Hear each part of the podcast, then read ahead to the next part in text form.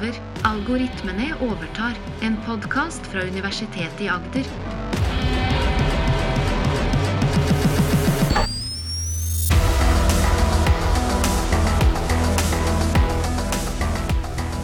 Du hører Maren og Morten snakke om kunstig intelligens. Vi har fått inn et lyttespørsmål. Spent på hva det er. Det er en som da lurer på hvordan kan man komme nærmere eh, en løsning på miljø- og klimakrisen ved hjelp av kunstig intelligens? Ja. Et meget godt spørsmål. Ja. For vi hører eh, mye positivt og mye negativt om kunstig intelligens, og en av de negative historiene vi hører, er eh, at det bruker så mye energi. Ja. Man kunne kanskje tenkt at kunstig intelligens ikke er noe bra for miljøet eller for klimaprosessen. Og ja. Svaret er eh, både ja og nei. Det er definitivt eksempler hvor kunstig intelligens kunne vært mye bedre, og energiforbruk er en av de.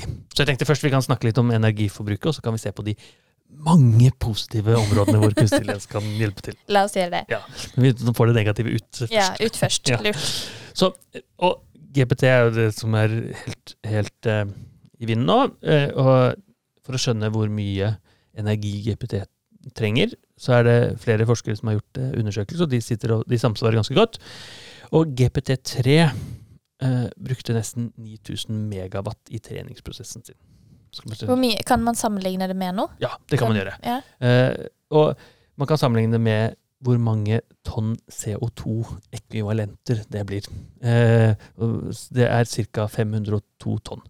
Eh, for å skjønne hvor mye det er, så kan man tenke en bil, for Ja. eksempel. Fra ende til annen, inkludert drivstoff, vedlikehold og hva det måtte være. Bytting av hjul hvert tredje år og eh, lakkere når du krasjer osv. De bruker til sammen 63 tonn CO2-ekvivalenter i snitt. Og denne var på 502. Ja, ikke sant. Så det er jo eh, ganske mye. Ja. Så det er 28 ganger mer enn en bil. Så, eller altså, du vil si 28 biler. 28 biler. I Så- hvor lang tid? Nei, Så Nei, å trene tida. hele GPT3 Ja. er det samme som 28 biler fra ende til annen. Fra den kjøpes til den uh, Før den kjøpes, fra den begynner å produseres. Fra den begynner å produseres, ja. første skruen skrus inn. Til den uh, er ødelagt. Til den er en så- sånn firkant på ja, slutten og ja. krasjer sammen. Ikke? Så, eh, så er det uh, Nei, 18 bilder blir det. Beklager. 18 bilder. 18 bilder. Ja, eller vi kan også se på hvor mye en gjennomsnittlig amerikaner eh, forurenser. Eh, en amerikaner forurenser ca. 18 tonn CO2 per. Jeg skulle tro at det var omtrent det samme i Norge. Jeg har ikke tallene for Norge. Eh, og det vil da bli 28 amerikanere et år. Ja, ja. Så enten kan vi si tre, trening av hele GPT er som eh, 28 amerikanere eller 18 biler. Og så er det jo da GPT4 Ja. som har kommet nå. Den er jo ganske mye større igjen. Helt riktig. Så svaret er at vi har ingen vi har ikke snøreste aning på hvordan GPT4 er trent, og hvor, mye, hvor stor den er. Eh, OpenAI nekter å fortelle dette. Ja. Så det er vesentlig mer. Det må det jo Kanskje nødvendigvis være. Ja. Kanskje er det tusen ganger mer, men liksom det er ren spekulasjon. Men jeg må innrømme at jeg er litt overrasket over hvor lite det er. Altså 28 biler er vesentlig mye forurensning, Mm. men eh, det er 28 biler. Liksom, det er millioner av ja, men det er jo mange år, da. Ja, ja, det er sant. Det er riktig. Det er ikke bare 28 biler en dag. Nei, det er sant. For trening. Mm, Så det kan jo være ganske mange eiere og ganske mange Det er definitivt. Mye Ja, ja. kjøring Ja. på 28 biler. Hvis du klarer å bytte ut 28 biler med offentlig transport, f.eks. Ja.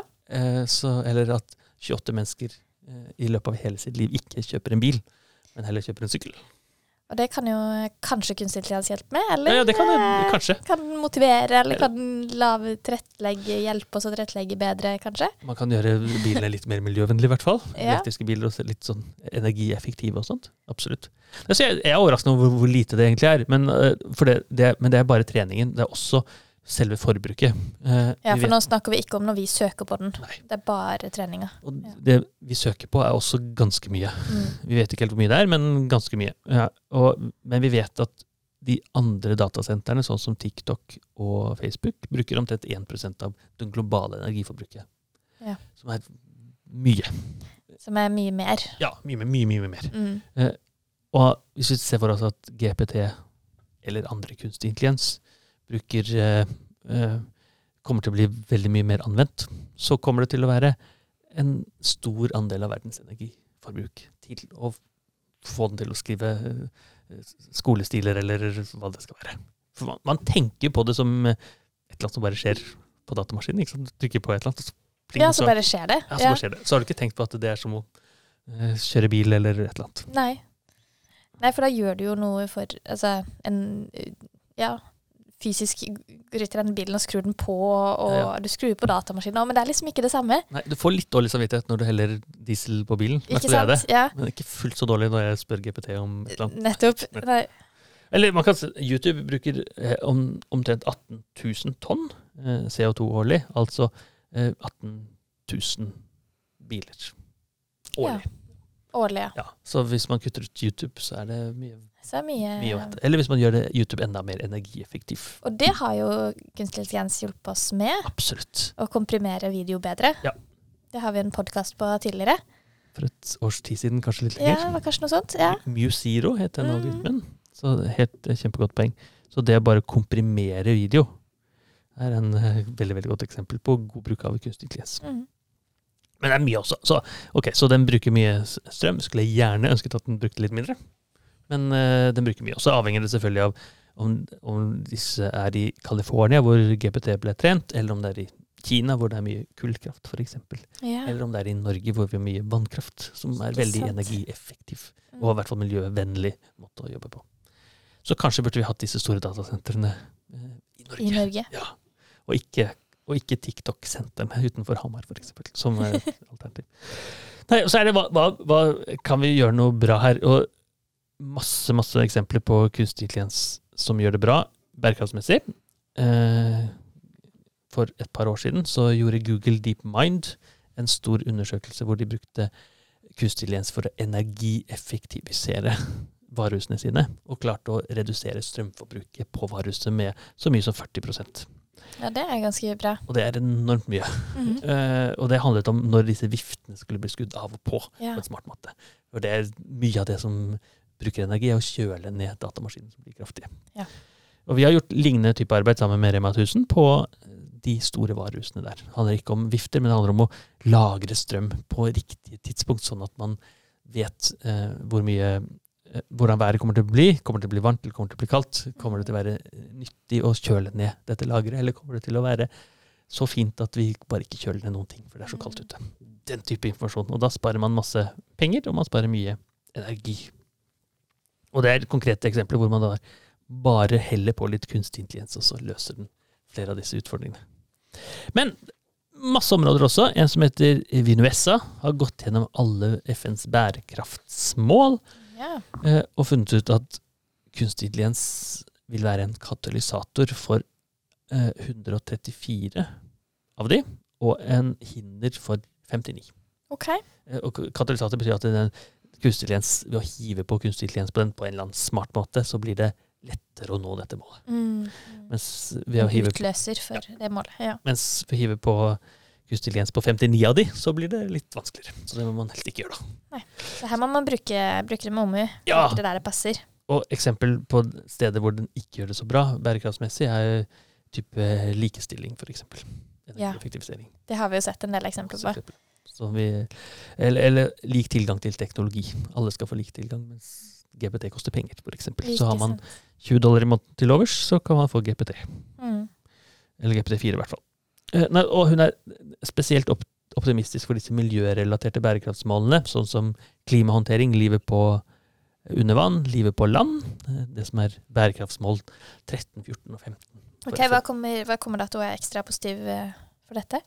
Så et, et eksempel er analyse av eh, eh, skogen. Eh, den danske miljøstyrelsen, det som på norsk heter Miljødirektoratet, bruker kunstig intelligens, satellittbilder, flyfotografi og lidar og geografiske data på andre måter til å identifisere og kartlegge eh, verdifull skogområde som bør vernes. Yeah. Istedenfor at man kjører ut med en bil eller går med et menneske og sier ja, ja, denne eh, bjørka den er veldig sjelden akkurat dette området, den vi vil bevare. Så bruker de satellittanalyse for å finne det, og får en veldig veldig mye bedre oversikt over skogen og den verneverdige skogen. ja. Eh, Kjempegjennomtenkt og gjennombrukt teknologi handler bare om satellittbilder og analyse, analyse av disse. Ja. Eh, vi, har sett lignende eksempler, ikke fra skog, men for eh, vann. Eh, man sa, gjør satellitt og finner ut eh, hvor selene befinner seg enkelte steder i, i, rundt eh, eh, isen i nord, nord i Norge og Nordpolen. Mm. Og så kan man telle, da. Jo, her er det eh, 1500 seler, mens det var 1800 i fjor. Altså Ja. vi får litt analyse bedre av det. Men er det kunstig intelligens, eller er det et- et satellittbilde som vi kan telle ut fra? Ja, nei, det er satellittbilde, og så, tell- og så oppdager kunstig intelligensen. Ja, så den hjelper Ja. oss å oppdage og, se sam og sammenligne, kanskje? Nettopp. Ja. Eh, Så istedenfor at det kunne selvfølgelig vært et menneske som sitter og bare teller alt sammen, Mm. men det er litt kjedelig. Ja. og så er det Slipper vi det? Ja, og så gjør kunstig intelligensen det for deg, så hvorfor ikke? Og kanskje mye fortere òg. Ja, og, mye, og veldig mange tilfeller mye mer effektivt. Ja. Så man tenker at Danmark er ikke så stort, så hvorfor trenger man satellitt akkurat der? Jo, Mm. selv i lille Danmark, da, så trenger man det. Eh, Eller utbredelse av, eh, av is. Eh, Rundt Nordpolen bruker man kunstig intelligens til å finne hvor langt isen har kommet, og da kan man måle gjennomsnittlig og den type ting. da. Så mye kartlegging, egentlig? Mye kartlegging. En postdok som har jobbet mye som meg, Jeppe Rasmussen, har brukt lydanalyse for å finne ut for spesiell utrydningstruede arter. Og den har eh, munkeselene som befinner seg et sted utenfor Hawaii, er utrydningstrua. Ok. Så det er en, eh, en type sel som liker seg rundt Hawaii, og det er ikke så vanskelig å forstå akkurat det. Men de er færre.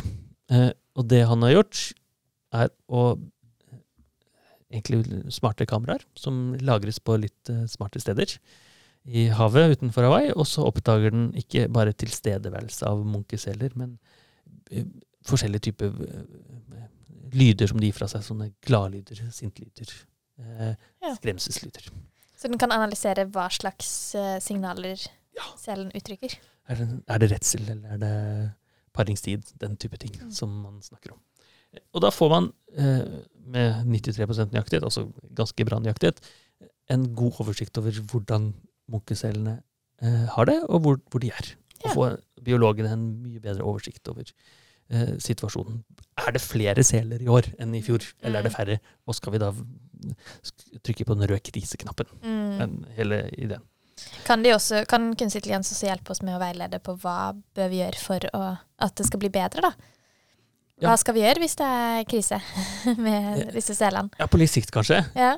det, det den i hvert fall kan gjøre, er å identifisere og finne ut eh, statistiske sammenhenger. Så når selen har det bra, Mm. Så er det dette forholdet, denne temperaturen f.eks. ja. Eller eh, dette saltnivået, Eller. så at i fjor var det sånne og sånne forhold, Ja. og da hadde den det veldig bra, men i år så er det litt andre temperaturer, f.eks. Og kanskje, kanskje påvirker temperaturen algen, som påvirker Mm. eh, eh, torsken, eller hva det er som finnes utenfor Hawaii der. Og så spiser selene torsk. Men hvis det er litt kaldt, så går torsken et annet sted, f.eks. Noe sånt. Ja. Kan det være. Så det, i hvert fall, om ikke den kommer et forslag til hva man skal gjøre, så i hvert fall finner den sammenhenger som oss biologisk intelligente vesener Mm. kan bruke. Uh, og det samme er gjort ikke bare med munkeseler, men med flaggermus og hvaler. Ja. Oppdage og telle hvaler. Finne ut eh, Det er litt vanskelig å lete etter de hvalene, for de svømmer så langt, men Mm. de gir fra seg masse lyd. Så å høre hvalsnakking og hvalsnorking, som visstnok er en litt Oi. sånn vanlig greie Hvalene snorker visstnok veldig høyt, eh, fortelles det. Ja. så det er, ikke noe, det er ikke noe hyggelig å være i nærheten av eh, sovende hvaler. hval. Nei. Så da må du Men uh, Finn et annet sted å hvile. Så det, men kunstig intelligens kan bruke det å fortelle jo, jo, her er det jo fire hvaler som snorker. Det er én en mer enn i fjor. De har det bra. Uh, så det vil være en sånn passiv uh, lydmonitorering av, eh, av eh, havet. Eh, eller av land. Et annet eksempel er plastforurensning, som betyr mye for, for havet. Mm.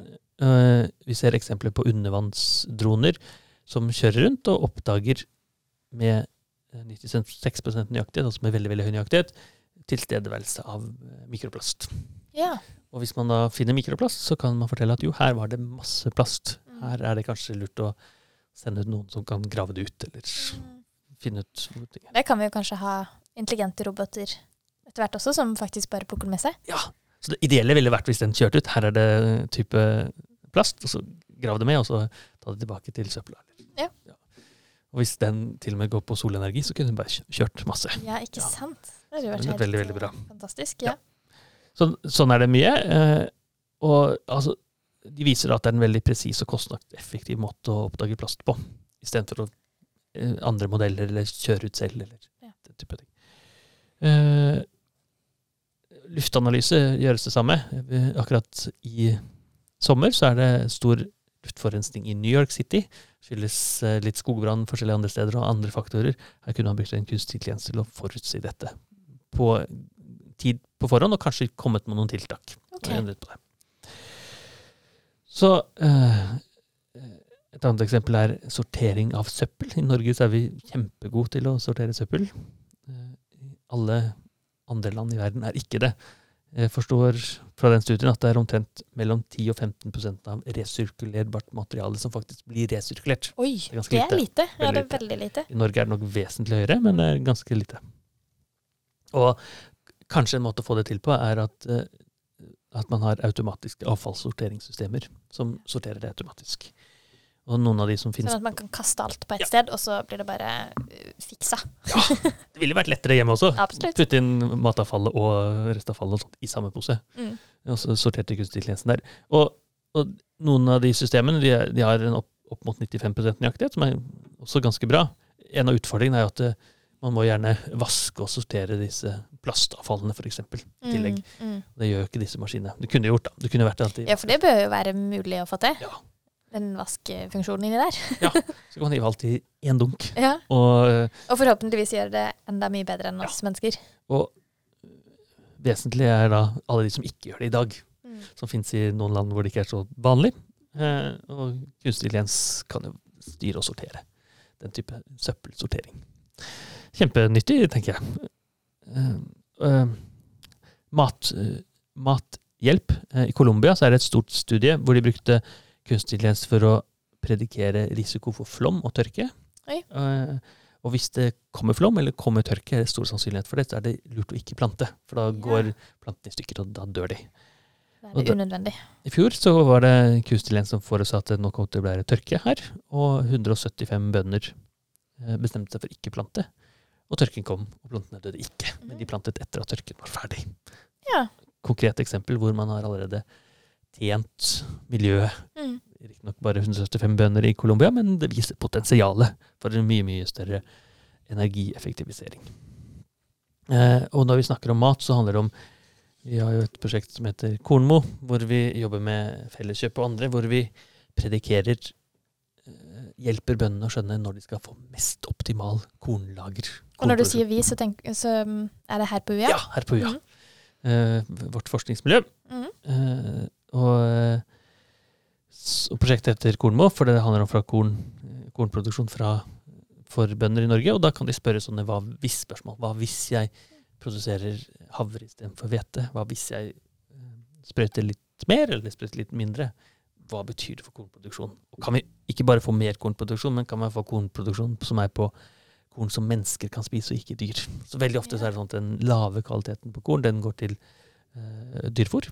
Mens eh, bøndene vil gjerne selge menneskefôr, for det er dyrere. Ja. Eh, Og, ja, og bedre for oss at vi spiser korn. Har dere sett noen resultater der? Ja, det er masse resultater, masse prosjekter. Vi klarer å predikere ganske nøyaktig hvor mye, eh, hvor mye avlingen kommer til å være på. Og når vi klarer å predikere det, så kan vi også bytte ut variabler. Da kan vi si at eh, hvis, du, hvis det kommer frost litt tidligere, f.eks., Ja. så vil du ha en lavere prediksjon. Ja. Så det er lavere produksjon. Og det ja, kjempegode resultater som er i ferd med å bli brukt i praksis snart. Så sta status er at forskningen er kommet langt på vei, Mm. og nå installeres det og brukes og testes ut i noen, eh, hos noen eh, bondegårder rundt omkring i Norge. Spennende. Det er gøy. Og det er mange har gjort det over hele verden. Det er et stort studie i Egypt som forsøker å gjøre det samme, men for eh, tomatplanter, eller i hvert fall en sånn ikke-norske planter. Og sist, eh, men ikke minst, eh, det er visstnok et stort problem med matforfalskning. Eh, Å, det betyr at man hevder at en fisk kommer derfra mens den kommer derfra. Jeg hevder at det er en den type fisk eller er den typen fisk. Og det er et, kanskje ikke et stort problem i Norge, men mange andre steder så er det det. Skjønne hvor ting kommer fra osv. mm. Og en studie viste at i Europa klarte, var det fisk og sjømat var forfalsket i så mye som 20% av tilfellene. Frukt og grønnsaker var forfalsket i 10% av tilfellene. Altså hvert tiende eple du kjøper, er ikke eh, Er ikke egentlig der, derfra. det er jo eh, ganske mye. Jeg har en følelse av at det er ganske mye bedre i Norge, men Ja. det er kanskje Vi har vel ganske strenge restriksjoner på det. Jeg skal, jeg skal tro på det, men det er også naive. Ja, det er så trygt og fint. Ja. Men det, vi, det kunstneren kan gjøre, er, for, er å gjøre en god analyse. For eksempel, er dette den fisken som den egentlig er? Mm. Er det en torsk, selv om det står torsk på pakka? Mm. Eller er det, eh, er det en, ja, den type eple, eller som Er den fra det stedet, Ja, eller er den ja. Ja. den type ting. Og da får man mye mer oversikt over eh, matproduksjonen, som er definitivt bedre for både klimakrisen og miljøkrisen jeg er midt inne i.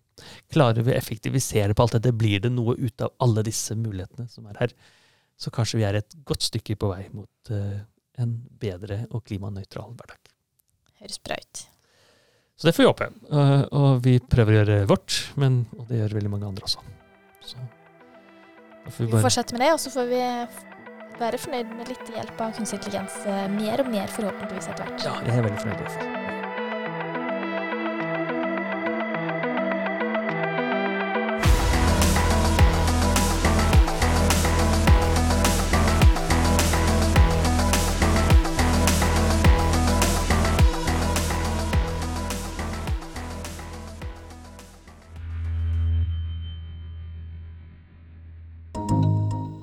Universitetet i Agder.